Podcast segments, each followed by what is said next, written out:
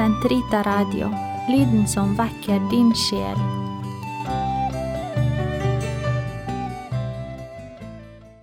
Den katolske kirkes katekisme, uke 38, fredag 2270 til 2275. Abort. Menneskelivet må helt og fullt aktes og forsvares helt fra unnfangelsesøyeblikket av. Mennesket, fra det øyeblikket det er til, må tilkjennes menneskelige rettigheter, deriblant den ufravikelige rett hvert uskyldig vesen har til å leve. Før jeg formet deg i mors liv, kjente jeg deg, og før du ble født, helliget jeg deg. Jeremia 1, 5. Mine ben var ikke skjult for deg da jeg ble dannet i mørket, virket i jordens dyp. Salme 139, 15. Helt fra det første århundret av har Kirken hevdet at provosert abort er moralsk galt.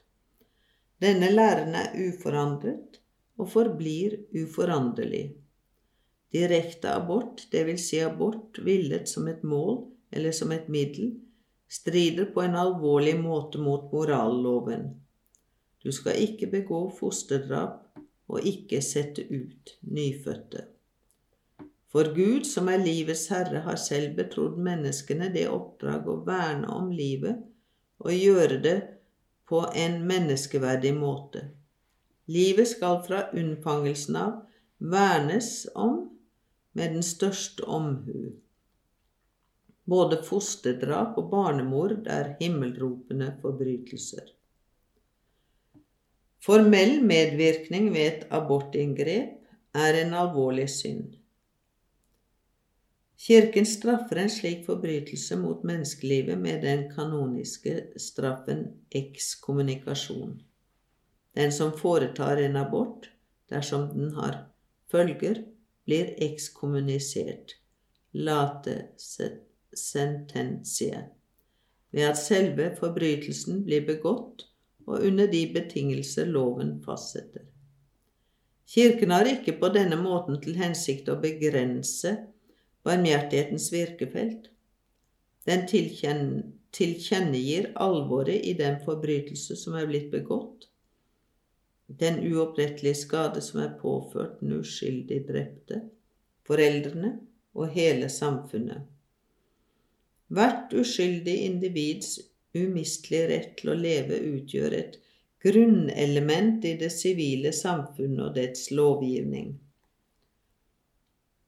Enkeltmenneskets umistelige rettigheter må anerkjennes og respekteres av det sivile samfunn og den politiske myndighet.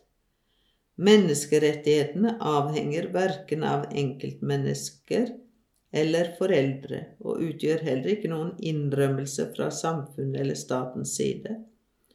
De er del av menneskets natur og er nedlagt i mennesket på grunn av den skaperakt det springer ut av. Blant disse grunnleggende rettigheter skal nevnes retten til liv og ethvert menneskes fysiske, integritet fra unnfangelse til død. I det øyeblikk en lov unndrar en kategori mennesker den beskyttelse den sivile lovgivning skal gi dem, skjer det at staten benekter alles likhet for loven. Når staten ikke setter sin makt inn på å tjene alle borgeres rettigheter, og særlig de svakestes, er det selve grunnlaget for rettsstaten som blir truet. Som følge av den respekt og beskyttelse som må sikres barnet fra unnfangelsesøyeblikket av, bør loven forutse passende straffeforføyninger mot all krenkelse av dets rettigheter. Siden fosteret er å behandle som et menneske, må det helt fra unnfangelsen av som ethvert menneske forsvares, pleies og helbredes så langt det er mulig. Prenatal diagnose er moralsk tillatelig så fremt den respekterer det menneskelige fosters liv og integritet, og dersom den foretas med dets beskyttelse og individuelle helbredelse for øye. Slik diagnose kommer i alvorlig motsetning til moralloven når den, alt etter resultatene, forutser mulighetene for å fremkalle abort. En diagnose skal ikke være det samme som en dødsdom. Det bør anses som tillatelig å foreta inngrep i det menneskelige foster under forutsetning av at disse respekterer fosterets liv og integritet, og at de ikke innebærer noen overdreven risiko for det, men har til hensikt å helbrede det, bedre dets helsemessige tilstand eller sikre at det overlever. overlever. Det er uh, umoralsk å frembringe menneskefostre som skal utnyttes som biologisk råmateriale.